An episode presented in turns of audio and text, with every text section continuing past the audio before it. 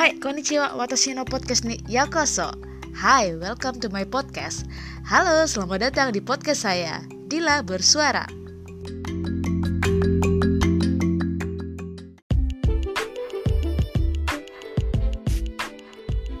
Halo, selamat datang kembali di Dila Bersuara. Kali ini di sesi Sambatisme PSD yang ke-16, gua bakal ngajak ngomong temen gua yang saat ini sedang ada di Okayama. Nama beliau adalah Muhammad Masfus Huda, PhD atau yang dikenal sebagai Huda.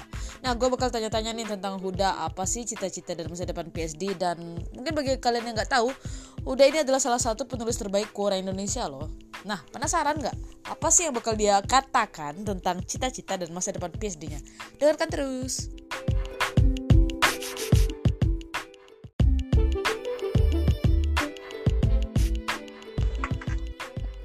Bikrista, halo Huda, aka Mahfuz. Halo. Waduh, waduh, sudah kencang banget bro. Bentar, oh gua Iya kah? full full. Siap eh, di di headphone-nya Dila yang yang kencang. Jadi hari ini Dila pakai headphone nih, jadi nggak tahu suaranya bakal bakal jelas atau enggak. Di Huda jelas nggak? Jelas kok. Which one is better to call your name, Mahfuz atau Huda sih? eh Mahfuz kayaknya. Kalau kalau pendengarnya orang Indonesia Mahfuz. Ini orang. Jepang. Orang Jepang baru Huda. Soalnya Heeh. ya begitulah. Muhammad. Eh, jadi Mahfuz ini nama tengah atau nama apa nih? Mahfuz itu nama tengah. Nama aku kan Muhammad Mahfuz Huda. Muhammad itu first name. Iya. Muhammad kan first name. Habis itu ya kalau di Indonesia dipanggilnya Mahfuz. Hmm, bentar ini mungkin agak agak out of topic kita mulai. Gue agak penasaran dengan eh, nama Huda ini eh, nama Mahfuz. Tiga suku kata tuh budaya Kalimantan atau gimana nih? Enggak normal di Indonesia. Gue cuma dua suku kata. Ya kamu nggak normal. Mamaku aja sa- mamaku aja cuma satu satu suku kata loh. Doang.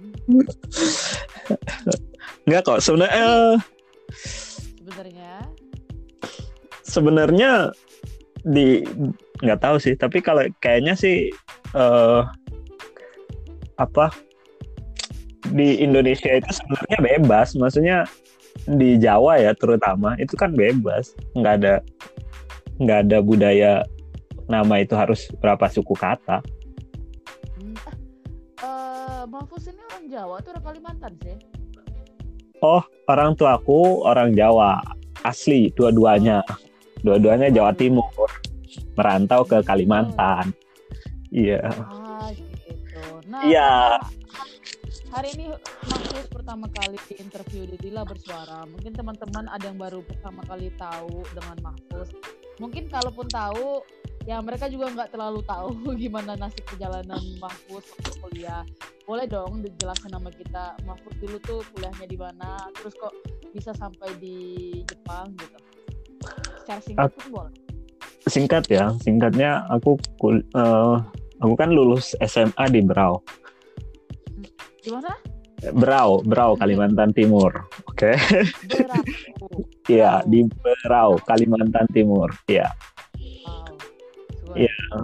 kan lulus SMA kemudian berangkat ke Malang. Nah awalnya tuh aku daftar di eh, universitas eh, di ITB sama UB Brawijaya sama eh, ITB Bandung. Tapi yang di ITB nggak diterima akhirnya masuk ke Brawijaya di Brawijaya aku ambil jurusan kimia Yap. terus kuliah empat tahun di kimia Hmm. Iya kenapa kenapa Jadi eh, eh Mahfuz alumni Brawijaya. Gue pikir alumni Kalimantan. Oh no, enggak. Wah, kamu kamu interviewer yang buruk. Kamu, tidak- kamu tidak membaca. Ya. Kamu tidak Kamu orang yang kamu wawancarai, Dil. gue cuma tahu karir terakhirnya Mahfuz. Mahfuz sekarang terus penulis terbaik Quora masa lalunya gue nggak tahu nah masa Oh. gue tanyain ngapain? Gitu kan. Oh gitu ya, pantesan disuruh jelasin sendiri. Biasanya diperkenalkan loh. ya biar lebih asri gitu kan Jadi ini kuliah kuliah di teknik kimia kemudian habis dari te- teknik Oh enggak, di eh, kimia murni, MIPA. Kimia murni. nah, salah lagi gue Ya ini ini lagi penting baca. ini penting membaca profil. ntar gue tanya dulu mungkin buat teman-teman yang yang tertarik untuk kuliah di Unibrau di Unibrau itu teknik kimia ada nggak Ada tapi baru buka. Jadi eh, aku tahun ke tiga atau keempat ya dia baru buka. Keempat rasanya. Oh, Tahun terakhir dia baru buka. Jadi teknik kimianya tergolong baru. Oh. Iya. Tapi ya, basic- gimana? Aha. Kenapa? Tapi basic di tekniknya dia bagus karena kan eh, keteknikannya dia cukup bagus gitu. Hmm. Apa tuh eh, kriteria dari teknik bagus mampus Hah? kriteria teknik bagus apa teknik bagus apa teknik jelek itu kriterianya apa ya Fasilitas kayak gitu. gue gue lebih nyaman manggil Huda deh karena gue selalu manggil Oke, Huda oke, soalnya oke. No problem. hai hai Ah, hai hai karena apa tadi ya. Labnya sih kalau aku saya ngelihat eh, kuliah terutama yang science ya labnya bagus bagus biasanya karena eh, mereka concern ke itu lab-lab itu penelitian kemudian apa sih eh, pelatihan mahasiswa kan ya kalau nggak ditunjang sama lab bagus ya sulit juga sih. setuju gue sih Hmm. cuma juga ada ada kasusnya labnya banyak tapi tapi nggak bisa dipakai alatnya itu ada juga sih oh iya itu manajemen di dalamnya buruk gitu kan? Benar benar setuju. Cuman Well, iya. anyway terus? Jujur sih aku nggak tahu tekniknya Brawijaya itu publikasinya berapa kayak gitu. Itu nggak tahu tapi dari segi kelengkapan lab dan ininya sepertinya bagus. Unibrau tuh beberapa orang memimpikan loh untuk masuk Unibrau. Ya. Bahkan Hmm. dulu ya teman gue juga ada yang pengen masuk ya cuma nggak jadi. Sebenarnya bukan teman sih sepupu. Nah, udah. Terus abis dari teknik eh abis dari kimia kenapa ke Jepang? oh iya sebenarnya aku tuh gimana ya yang jelasnya sebenarnya aku eh, aku waktu mau lulus itu sudah target aku pengen eh, S2 tapi nggak mau di Indonesia jadi ngincar di luar negeri pilihannya sebenarnya aku paling pingin itu ke Jerman. Tapi eh, dos dosenku yang kan eh, apa ya biasanya tuh? Kalau kita mau kuliah di Jerman bagusnya itu kita milih dosen yang eh, dia lulusan Jerman karena lebih gampang gitu. Eh, apa namanya nyari dosen di Jermannya kemudian urusan lainnya kita bisa di, dikasih gambaran gitu sama dosennya. Nah waktu itu dosenku yang kuliah di Jerman itu bidangnya apa ya nggak aku aku nggak terlalu tertarik gitu. Menurutku terlalu sulit untuk kuikutin akhirnya opsi lainnya adalah Jepang. Nah Jepang waktu itu ada do- eh, dosen yang baru lulus dari Jepang. Kemudian eh, dia balik ke Indonesia aku ngambil skripsi sama dia gitu. Tujuannya emang biar kalau kalau tuh aku ada kesempatan ke Jepang eh, dia bisa ngasih arahan gitu. Itu tujuanku yang pertama. Nah terus tapi kan aku ngajukan tuh. Cuman karena aku bukan mahasiswa yang baik dan benar ya. IPK aku kan nggak terlalu bagus tuh. Jadinya waktu ngajukan beasiswa dan lain-lain itu gagal semuanya gagal. Bentar, kata IPK bagus tuh gimana tuh? IPK bagus tuh 3,5 ke atas lah. Oke, berarti gue IPK jelek juga siap. bagus. Aku nggak nanya loh ya. Aku nggak nanya. Oh iya. Ya intinya gitu. Jadi eh, y- ya IPK aku nggak jelek-jelek amat tapi nggak bagus gitu. Nah akhirnya kan eh, dosenku nggak dia nggak ngasih rekomendasi aku untuk ke beasiswa mau membuka kuso ya. Wong kaso lah. Nah itu dia nggak nggak kasih, karena- ya karena secara logik secara logis menurut dia susah masuknya ini kecuali uh, kesempatan beasiswanya yang spesial yang khusus gitu kayak uh, untuk dosen atau apa gitu itu kan bisa kan karena dia mengesampingkan IPK tapi kalau yang bersaing pure di uh, antara mahasiswa itu agak berat menurut dia. Akhirnya dia nggak dia nggak kasih tapi dia kasih tahu coba kamu uh, cek di Australia waktu itu. Jadi apa sih namanya? Yang Australia tuh? Dulu tuh aku oh, hafal Australia. Australia Award kan? Australia ya, Award ya, ya yang khusus untuk uh, develop develop country itu ya. Developing, developing country ya jadi itu yang Australia. Nah aku nyoba di situ. Nah, cuman ya itu gagal. Akhirnya kan nganggur tuh. Nganggur karena gagal. Satu dua tahunan. Nyaris dua tahun. Wow. Mm -mm. nyaris dua tahun aku nganggur. Nah di situ aku blogging. Nanti kita bisa cerita lagi. Di situ aku oh, blogging ya bloggingnya ke arah profesional. Jadi aku blogging udah lama sejak S1 aku blogging, tapi waktu itu karena aku nungguin nungguin apa award di beasiswanya Australia itu akhirnya aku blogging ke arah serius gitu for profit. Jadi fokusnya bagaimana menghasilkan uang dari blog dari menulis dan aktivitas online. Nah keluar gagal akhirnya itu terus ya panjang lah ceritanya. Aku merantau juga ke ke kediri buka kafe di sana main-main lah. Habis itu wow. iya sempat sama teman gitu. Join sama teman. Yep. akhirnya akhirnya uh, nah itu agak-agak apa sih agak-agak merugikan juga sebenarnya. Karena sekitar lima bulan lima bulan atau enam bulan gitu setelah buka kafe itu uh, dosenku yang dari Jepang itu ngubungin aku. Dia bilang ada kesempatan nih jadi research assistant di Jepang dan kamu bisa sekolah sekaligus.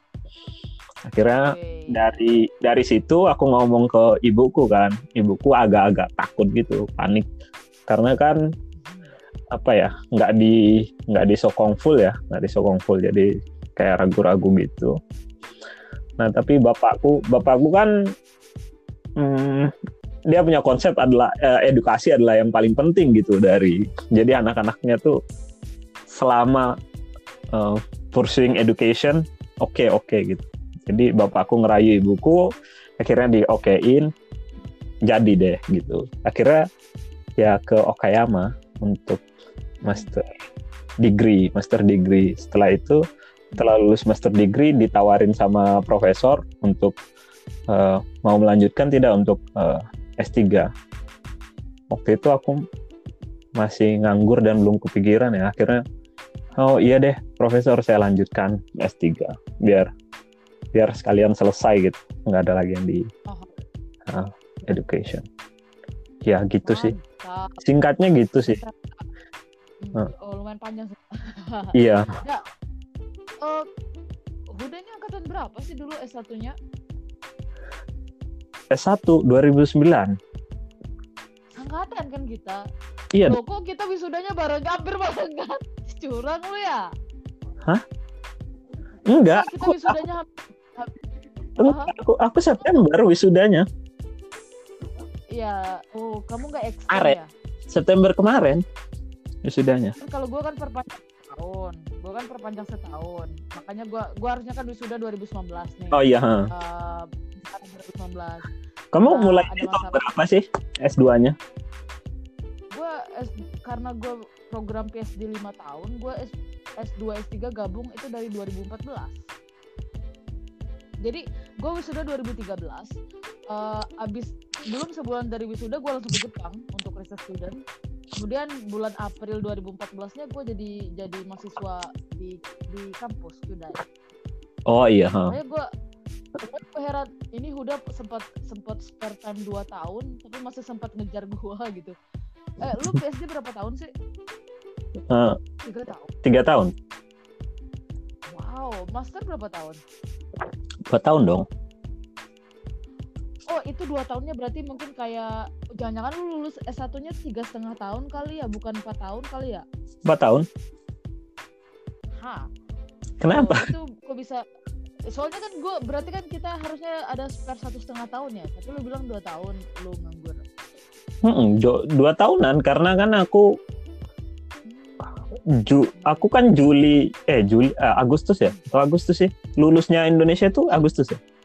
Agustus bareng, bareng banget. 13 2013 aku selesai. Apa? Iya.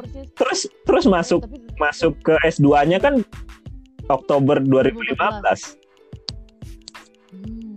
Dua tahun, kan? 2015 iya dua tahun berarti nggak eh, nggak tahu nggak tahu selisihnya di mana loh ya nggak tahu selisih Kayaknya nih. nah yang jelas aku kan research student kamu research student kayak gitulah lebih eh. lebih lah. Kayak kayaknya kalau ngomongin tentang masalah edukasi, hipotesis awal gua, correct me if I'm wrong, itu nggak terlalu banyak kesulitan yang yang Huda hadapin. Nah, tema hari ini, Dak, kita bakal, bakal ngomongin tentang cita-cita dan masa depan PhD. Tadi kan Huda, udah jabarin tentang eh, Huda tuh punya target pengen pengen kuliah S2 di luar negeri, terus ditawarin juga S3 ternyata kan. Nah, sebenarnya cita-cita Huda ketika udah dapet PhD itu apa? Oh, cita-cita ketika dapat. PhD sekarang nih berarti nih karena baru September lalu aku selesainya Iya. Dan sebelum apa udah kepikiran gitu atau let it flow, let it flow. kalau cita-cita sih ngajar sebenarnya Oh. cita-citaku tuh ngajar lebih ngajar daripada peneliti jadi emang. Apa ya?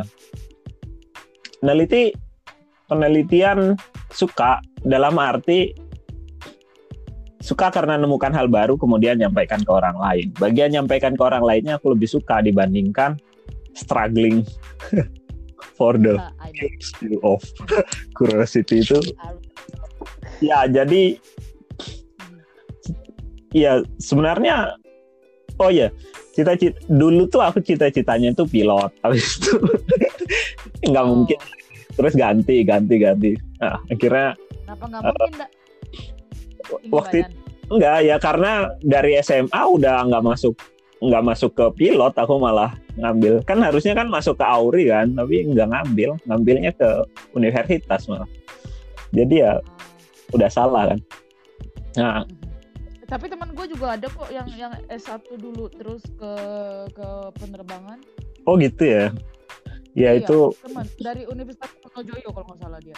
ya S1. ya enggak tapi emang waktu uh, SMA aku udah udah switch gitu udah ganti ke Oh. aku pingin pingin S1-nya kimia kemudian S2-nya juga aku pingin kimia nah cuman waktu itu aku nggak pernah mikir karir masa depan itu bagaimana ini yang dikhawatirkan ibuku ya bi- biarlah ibuku khawatir. Aku mah nggak nggak mikir gitu. Aku mikirnya aku suka belajar tentang kimia gitu kemudian apa ya bermain-main di bidang sains. Akhirnya ya udah ngambil aja S1-nya kimia gitu kan nah setelah lulus S1 baru kepikiran oh pengen S2 kemudian ngajar. Eh, iya. Nah cuman itu sebenarnya tadi kan aku udah cerita tuh kalau aku eh, mau daftar S2 di Australia. Nah sebenarnya waktu itu aku mau pindah tuh. Mau pindah eh, dari kimia ke eh, apa sih namanya? Science communication.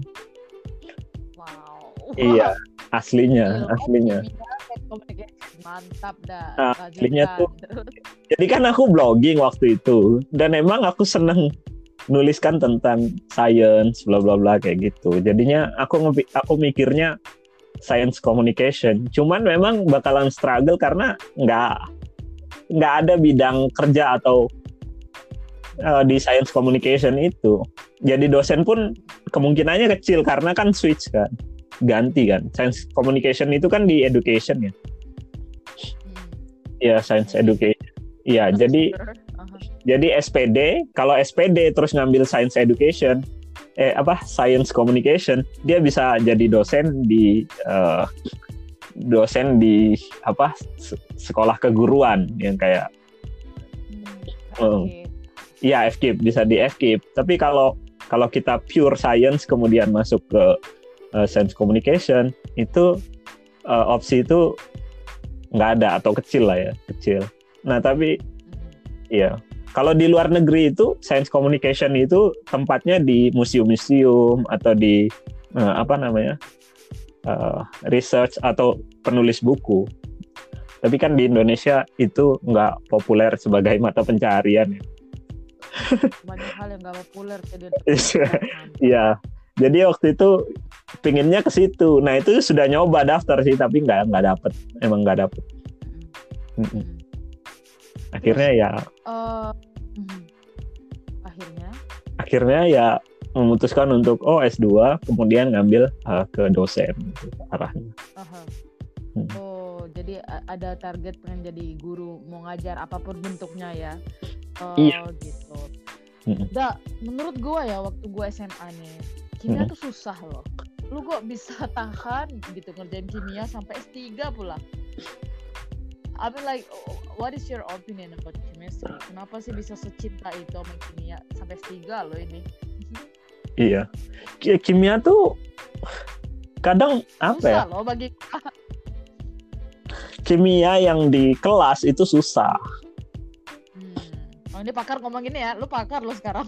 Loh, iya kimia kimia yang di kelas itu susah. Terus, Ya, let's say sekarang ya aku di, dikasih soal yang untuk anak SMA gitu. Ya aku harus lihat buku lagi. Aku nggak bisa menyelesaikan itu langsung gitu. Ngerti nggak? Jadi kimi kayak eh, apa sih namanya persamaan reaksi. Ini bener nggak persamaan reaksinya bla bla bla. Nah itu kalau aku dapat pertanyaan itu sekarang, itu aku harus buka lagi buku kimia tuh baru baru eh, ngejawabnya gitu. Secara secara eh, di di education itu itu memang berat. Tapi aku waktu belajar kimia itu ngelihat aplikasi lebih banyak ngelihat aplikasinya gitu. Oh ternyata bahan kimia ada di mana-mana, ilmu kimia kepake di mana-mana gitu loh. Nah dari situ yang aku eh, lebih interestnya ke situ. Jadi kayak gimana sih dari dari yang di buku itu kok orang bisa dapat yang aplikasinya gitu loh. Apakah semua yang kita pelajari di buku itu menghasilkan aplikasinya atau enggak gitu loh. Ternyata kan setelah aku banyak belajar ya enggak, di aplikasinya itu ada banyak kecelakaan yang menciptakan itu gitu loh.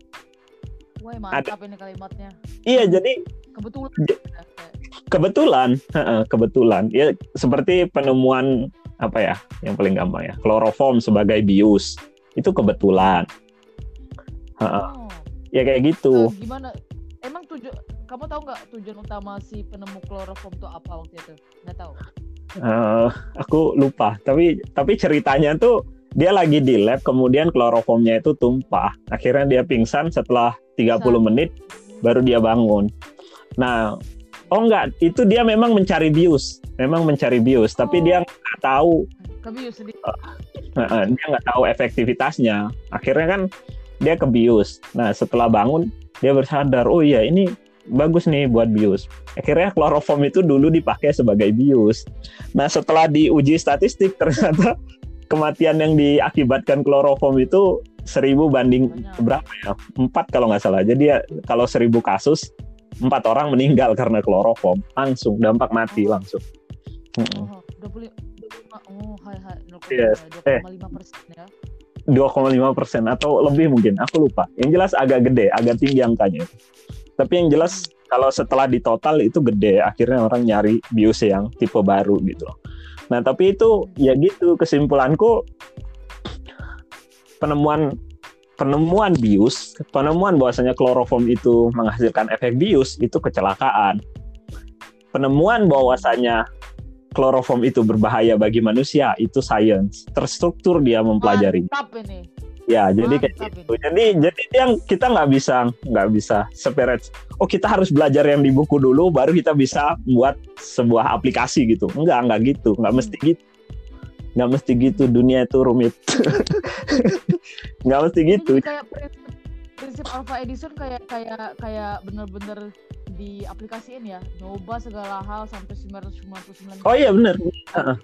Oh. Hmm, ya kayak gitu. Jadi kayak gitu. Hmm. Nah, Jadi orang mhm. Orang-orang kimia ini lebih kayak orang-orang yang eksperimental banget ya sebenarnya. iya tapi tapi ada juga yang pursuit of curiosity. Kayak bidangku yang sekarang itu curiosity. Bidangku sekarang kan kimia teoritis ya, ter- eh, kimia fisika. Kimia fisika Wih. yang teoritis. Jadi jadi yang kita yang yang kita cari itu bukan aplikasinya, tapi kenapa sesuatu itu terjadi. Kita menjawab pertanyaan, kenapa sih kok bisa gini? Kenapa sih kok bisa gitu? Bukan gimana mengaplikasikan ini ke sebuah teknologi atau gimana cara melakukan ini, gimana cara melakukan ini. Enggak, kita nanya itu kita memunculkan pertanyaan kenapa sih seperti ini? Kenapa air membentuk 16 apa? 16 kristal Oke. padat. Kenapa air membentuk 16 kristal padat kayak gitu? Pertanyaannya seperti itu kalau di di di yang teoritis ya. Nah itu kita pingin tahu akarnya adalah curiosity kita pingin tahu. Jadi kita kita nggak peduli nanti udah jadi tuh ya, Hmm, kita udah bisa jawab itu. Kemudian ini bisa diaplikasikan atau tidak di kehidupan sehari-hari. Kita nggak terlalu peduli dengan itu. Fokus kita Mhm. Menjawab pertanyaan kenapa itu bisa terjadi.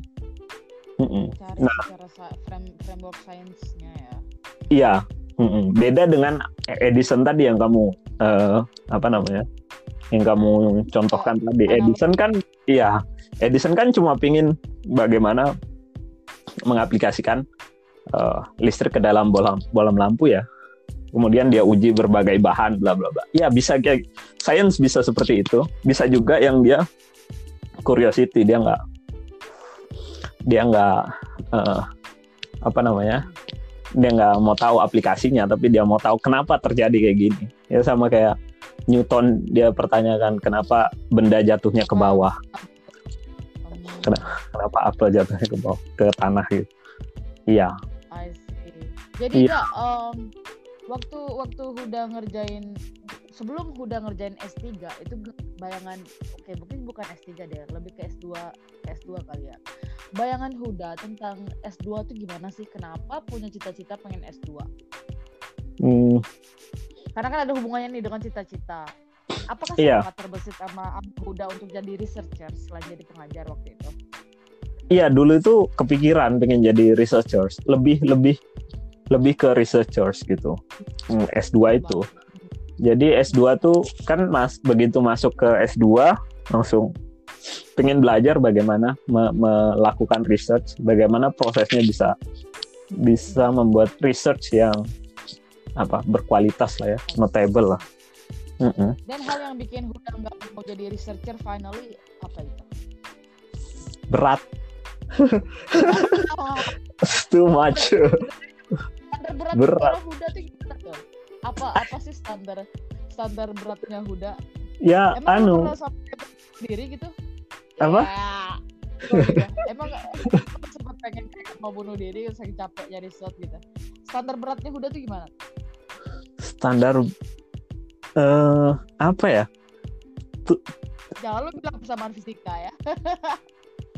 Ya salah satunya salah sat- eh, enggak. Jadi gini kalau eh, aku menurutku aku terlalu banyak membuang-buang waktuku di eh, waktu S1 ya.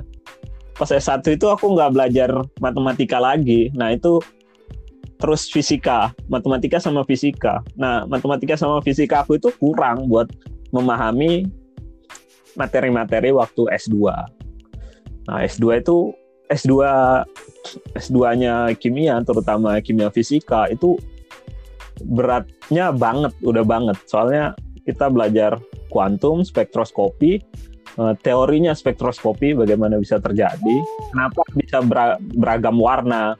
Kemudian Hmm. ya teori material, Hmm. apa sih namanya? Bagaimana metal behave, apa yang disebut dengan logam Einstein kayak gitu-gitu. Ada Dirac equation bla bla bla. Itu udah fisika sama kimia udah nyampur banget kita nggak tahu. Biasanya fisika juga ngerti yang kayak gituan. Jadi udah udah gabung banget kita. Nah itu berat kalau kita eh, nggak punya basic mat- nggak punya basic matematika sama fisika yang bagus. Nah, aku kan nggak terlatih ya di di dua hal itu. Udah apa dah bingung. Jadi, jadi dasarnya tuh kenapa kenapa uh, akhirnya memutuskan untuk tidak fokus jadi researcher setelah dapat PhD itu karena karena ada pengaruh dari basic knowledge waktu S1 ya. Bukan karena misalnya uh, dunia akademisi yang dibayangkan dengan dengan di kenyataan itu beda bukan karena itu ya. Iya, itu ya gimana ya? Kalau aku kalau aku sih mm, mikirnya sih mm, menurut iya menurutku berat. Tapi maksudnya aku udah ngebayangin kayak gitu. Aku udah ngebayangin kalau research bakalan kayak gitu dunianya. Terus kayak gitu tuh gimana tuh maksudnya? Maksudnya uh, struggle membuat pertanyaan kemudian oh, berusaha okay. ya apa sih yang yang yang uh, topik yang notable akhir-akhir ini kayak gitu? Atau atau apalah ya terus baca publikasi ilmiahnya terus ngasih uh, pertanyaan-pertanyaan kritik kritis gitu ya. Pertanyaan-pertanyaan yang kritis kemudian kita berusaha menjawabnya sendiri dalam bentuk proposal riset kita. Nah itu aku yeah. aku bisa pahami itu. Cuman waktu uh, waktu baca ya di bidangku itu uh berat banget itu. Untuk paham yang papernya aja udah udah butuh waktu sekali kan karena ya itu basic knowledgeku udah kalah di situ. Nah, iya akhirnya waktu itu bilang oh berat ya ternyata. Cuman salah juga sih karena aku ngelanjutin S3 harus aku stop. itu, itu itu kesalahanku. itu kesalahanku. Jadi harusnya waktu master itu mungkin karena profesional jago untuk ngundang mahasiswa supaya lanjut S3 terbuai di KO. mungkin. Banyak kayak gitu kasusnya. mungkin, mungkin. Iya, tapi gimana sih? Enggak, menurutku sih kurang self introspection waktu S2 itu. Mantap. Masih, masih harusnya harusnya kita introspeksi ya? dong. Udah jelas-jelas lu nggak mampu ngapain terusin gitu kan. Ini pure hell. Tapi dah, Ya. Kalau menurut gua, kalau lu nggak mampu, uh. mungkin bisa lulus tiga tahun, cuy. Kimia lulus tiga tahun, itu mah lu menurut gua lu cuma merendah doang sih. Menurut, menurut gua susah banget loh kimia itu. Lu bisa bi, bisa selesai tiga tahun pas. Mm. Like, there, there, there must be something in your mind. Ah, ah gue mau tanya nih. Ide riset lu dari siapa? Dari sensei? Dari sensei. Dari, dari sensei. Oke. Okay. Dari jawab sih kalau itu. Oh, dari, sensei. Dari sensei. Aku S1 juga dari sensei dari risetku. Jadi jadi kayak uh-huh. uh, simple gitu ngikutin. Tapi emang beratnya sih beratnya karena ya itu kita pelajari hal yang baru gitu doang. Tapi kalau hmm ide research ya kemudian ininya ya kita apa namanya kita dapat dari sensei. Waktu S1 juga aku dari dapatnya dari uh, apa namanya dari dosenku. Uh, jadi dari profesor. Jadi jadi aku tinggal tinggal kayak oh iya yeah, pak nanti saya belajar yang ini ya bagian ini bagian ini. Jadi belajar di bagian itunya kemudian jalankan researchnya ya dengan segala jenis trouble yang ada gitu. Terus kita solve itu beres nah, jadi kayak lebih kayak training ya? Mm-hmm. nggak nggak se nggak se Nobel PhD yang lainnya mungkin. Kalau yang lainnya mungkin pure uh, pertanyaan ya, dari dia uh, ya beda-beda sih emang. Ada ada yang pertanyaan dari dia ada yang emang emang ngikutin sensei juga gitu kan. Iya hmm. Iya kayak gitu. Tapi proses-proses mirip lah, harus punya publikasi gitu untuk dapat gelar PhD. Uh, iya. Kamu itu berapa berapa publikasi baru bisa dapat PhD? Aku hmm. Aku satu. ada ya. Aku satu. At least. Publikasinya satu nih. Publikasinya satu. Hmm. Terus ini lagi ngaju, ini lagi mau ngajukan lagi untuk satu lagi. Oh. Jadi jadi akhir bulan ini masih struggle di satu publikasi lagi. Gak ada kemungkinan bakal lanjut foto gitu dak? Uh, aku pingin ya itu tadi aku nggak mau itu kesalahan lagi nanti. Oh, Karena aku sudah bilang, karena aku sudah bilang. Jadi go, nih. Ah. Oh, udah boleh lanjut lanjut deh lanjut deh gimana? jadi aku sekarang eh, ini eh, jawaban dari pertanyaan di topik ini, di topik ini ya. Hmm. So gini. Jadi jawab sekarang tuh aku pengen balik ke Indonesia, kemudian cari tempat buat, ngajar ya, cari tempat buat ngajar, kemudian nemukan eh, apa sih cabang-cabang lain dari kimia. Jadi nggak di kimia teoritis, nggak di kimia fisika aja atau di kimia teoritis aja, tapi kayak nyari apa sih? Oh, Kimia aplikasi apa Ah, kimia bahkan- kimia aplikasi atau biokimia atau yang lain lah. Intinya Ah, intinya pakai teknik-teknik eh, teknik-teknik yang eh, eh, teknik-teknik kimia yang sudah pernah aku pelajarin itu. Nah kemudian mhm. kalau ada interest di satu bidang lain aku mau cari postdocnya gitu. Jadi nggak Oh. nggak stuck di Hmm. di jalan Tapi lurus. ingat nggak postdoc itu cuma berlaku lima tahun setelah wisuda loh. apa Pas dari itu nggak bisa postdoc lima tahun loh, lima tahun setelah dapat gelar PhD loh. Habis itu Oh. bisa lagi. Halo lu mah, kok mahal sih PhD nggak nggak nyari informasi? oh, enggak enggak enggak it- itu Mhm. I- iya sih itu itu postdoc yang itu postdoc yang berniat untuk menjadi dosen kan tapi kan ada ada kan yang ada kan yang dosen kemudian dia dia apa sih aku nggak tahu namanya tapi disebut disebut postdoc kenapa Oh really? really? lo iya Postdoc jadi itu itu jenjang karir di Indonesia kali ya. Soalnya setahu gua, postdoc itu adalah suatu posisi di mana lu belum dapat kerja tetap. Nah, lu lu mangkir dulu tuh nongkrong dulu di lab lu atau lab orang lain untuk beberapa waktu, misalnya setahun, dua tahun, tiga tahun. Iya. Yang tujuan tujuan akhirnya itu supaya lu dapat tenure, tenure posi- tenure atau posisi tetap di universitas. Nah, kasusnya kalau lu udah dapat lu udah dapat posisi di universitas, lu nggak perlu Mm-mm. lagi postdoc enggak postdoc itu ada gitu. Nah, gimana gimana kalau dari oh iya benar benar Oke, itu itu, itu enggak itu benar itu benar.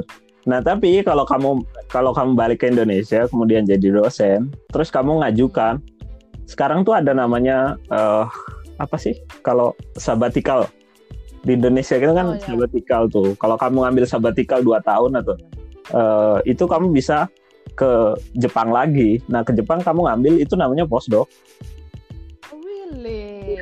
Ini posisinya I just got that oh I just know that. Thank you. Gue Atau baru tahu asli baru tahu dari ya riset apa ya? Nggak tahu sih tapi tapi bisa kayak gitu. Beberapa, Bisa, beberapa bisa. orang melakukan itu iya.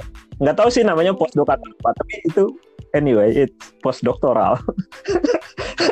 After doctor yeah you're not wrong. You're wrong. Benar anyway udah tahu? udah iya.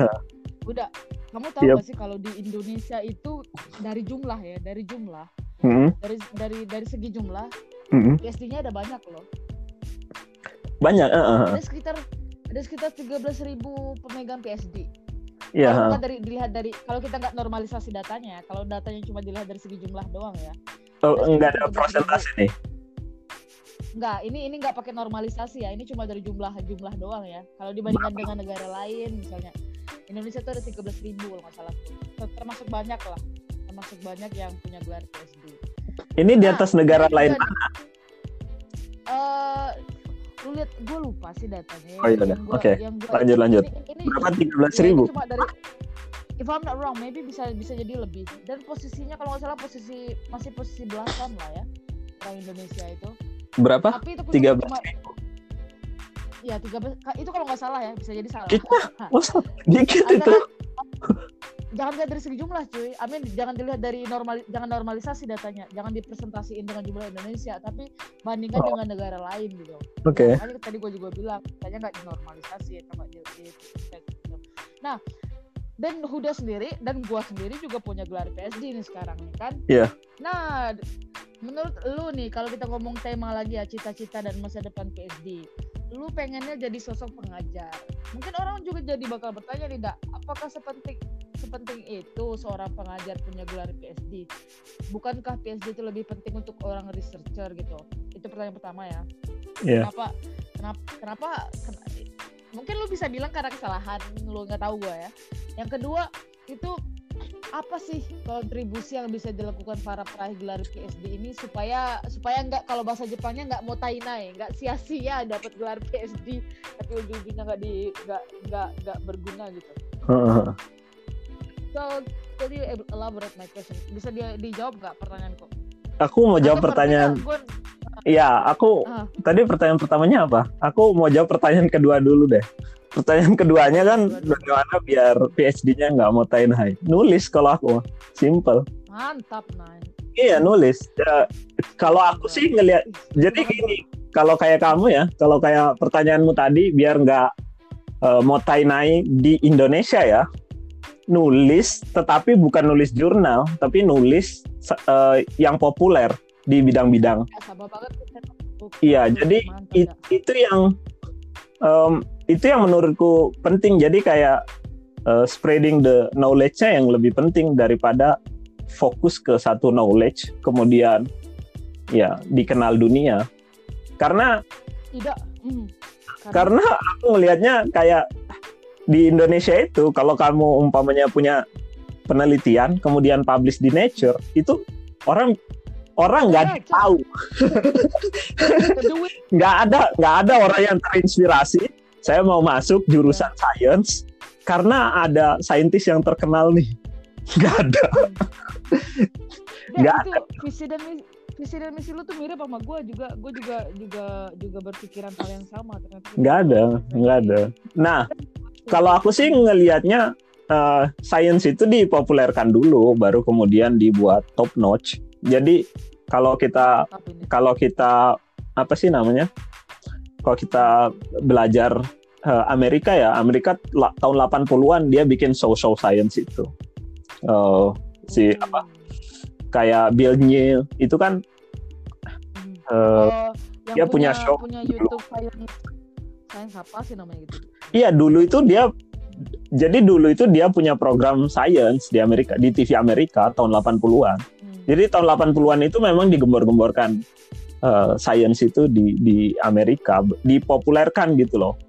Nah, di di ranah edukasinya, sekarang kan orang banyak bilang edukasi science di Amerika jelek sekali, buruk sekali. Tapi Sorry, sorry. mereka top notch gitu loh. Tapi mereka top notch. Yaitu alasannya karena tahun 80 menurutku alasannya adalah karena tahun 80-an dipopulerkan. Orang-orang terinspirasi untuk terus mengejar curiosity-nya. Itu secara natural walaupun di kelasnya nggak terlalu bagus ya edukasinya. Tapi secara natural dia Kamu secara jadi lebih luas Iya. Banyak orang yang tertarik ke science itu menurutku penting sih. Nah, menurutku yang PhD harus lakukan adalah mereka harus menulis yang eh, itu ya berdasarkan eh, apa sih namanya pengetahuan dan kapabilitas Hmm. mereka gitu loh. Jadi bukan nulis kemudian asal nggak nyambung gitu ya bidangnya nggak nyambung. Tapi emang emang di bidang mereka itu itu yang paling simpel sih menurutku yang paling simpel. dan gua setuju sih da, Eh, ya berarti eh, Huda Huda menyarankan bahwa ini para para PhD ini keep writing ya nggak harus di jurnal ilmiah tapi di publik di tempat publikasi yang common misalnya Instagram mungkin bisa kali ya gitu ya Iya bisa banget. What- that's what right. and Iya. dan sekarang udah jadi salah satu penulis terbaik kan di Quora Iya, oke.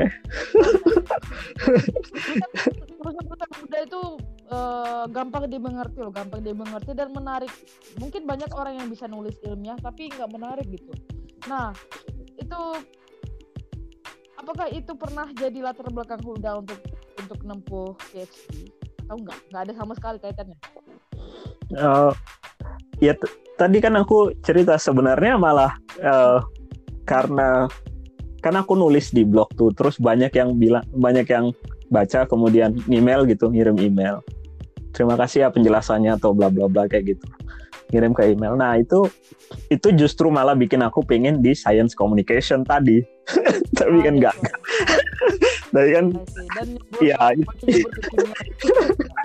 Iya, tapi akhirnya lain gitu ya.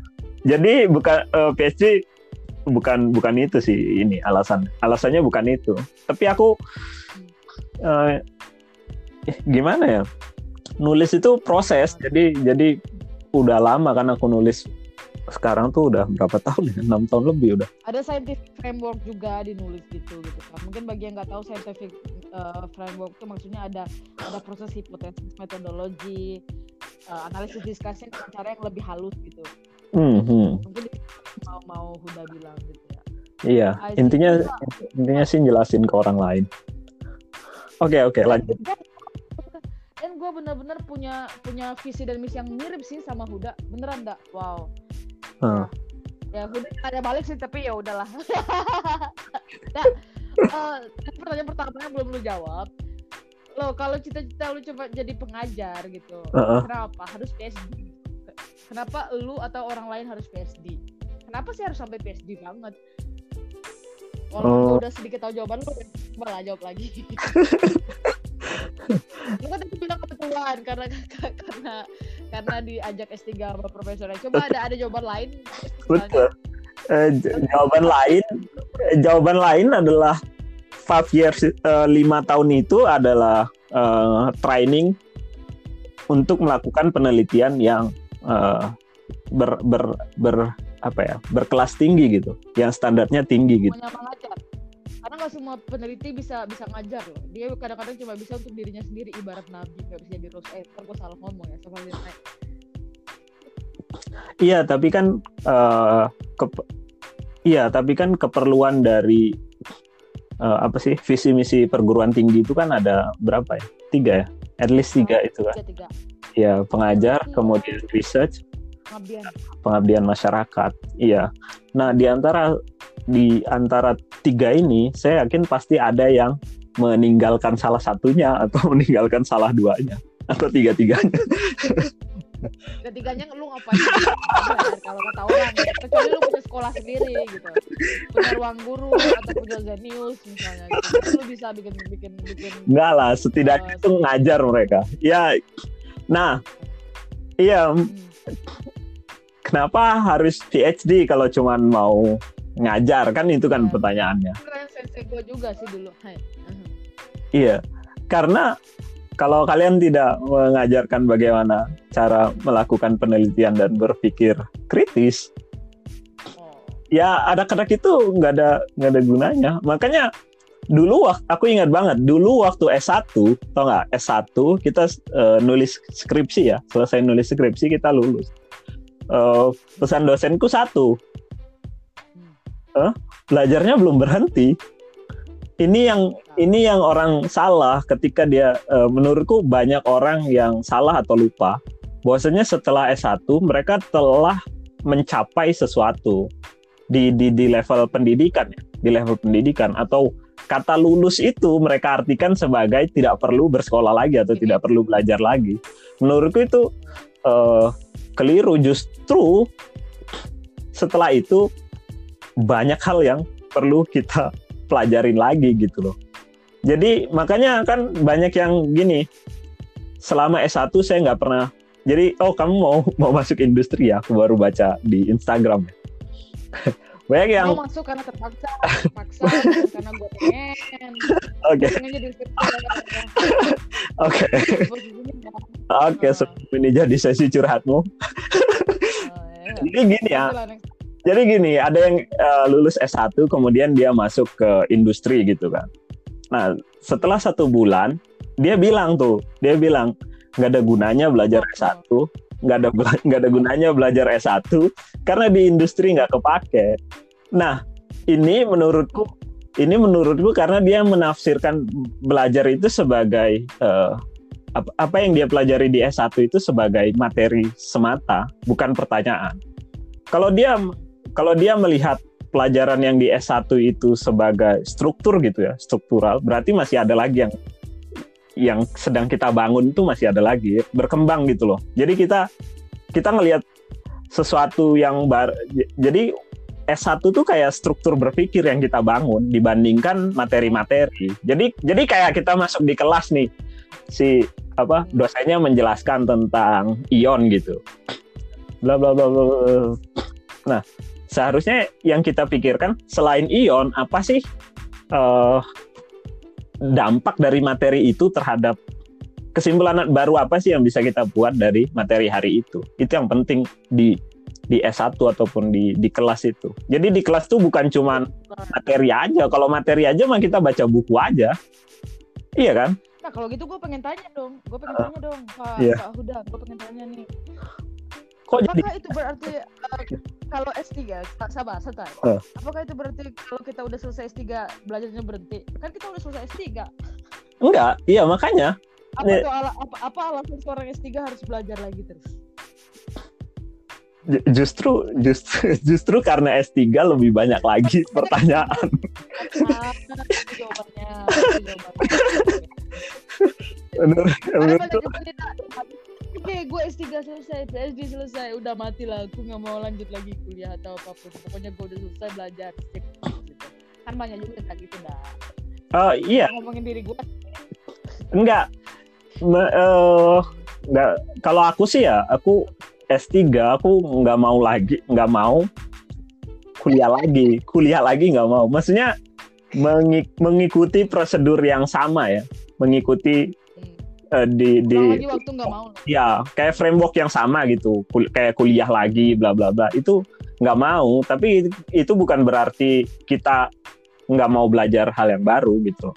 Aku di S3 justru malah ngebaca paper-paper yang nggak berhubungan itu jadi malah kayak apa sih namanya?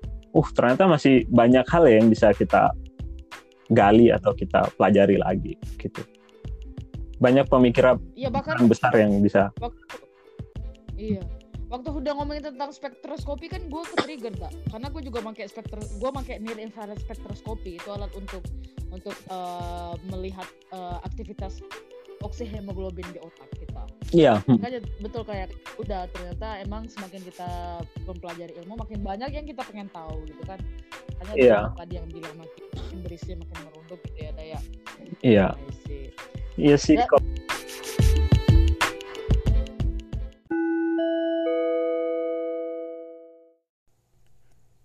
Obrolan di podcast ini akan dilanjutkan di episode selanjutnya. Jangan lupa didengarkan ya.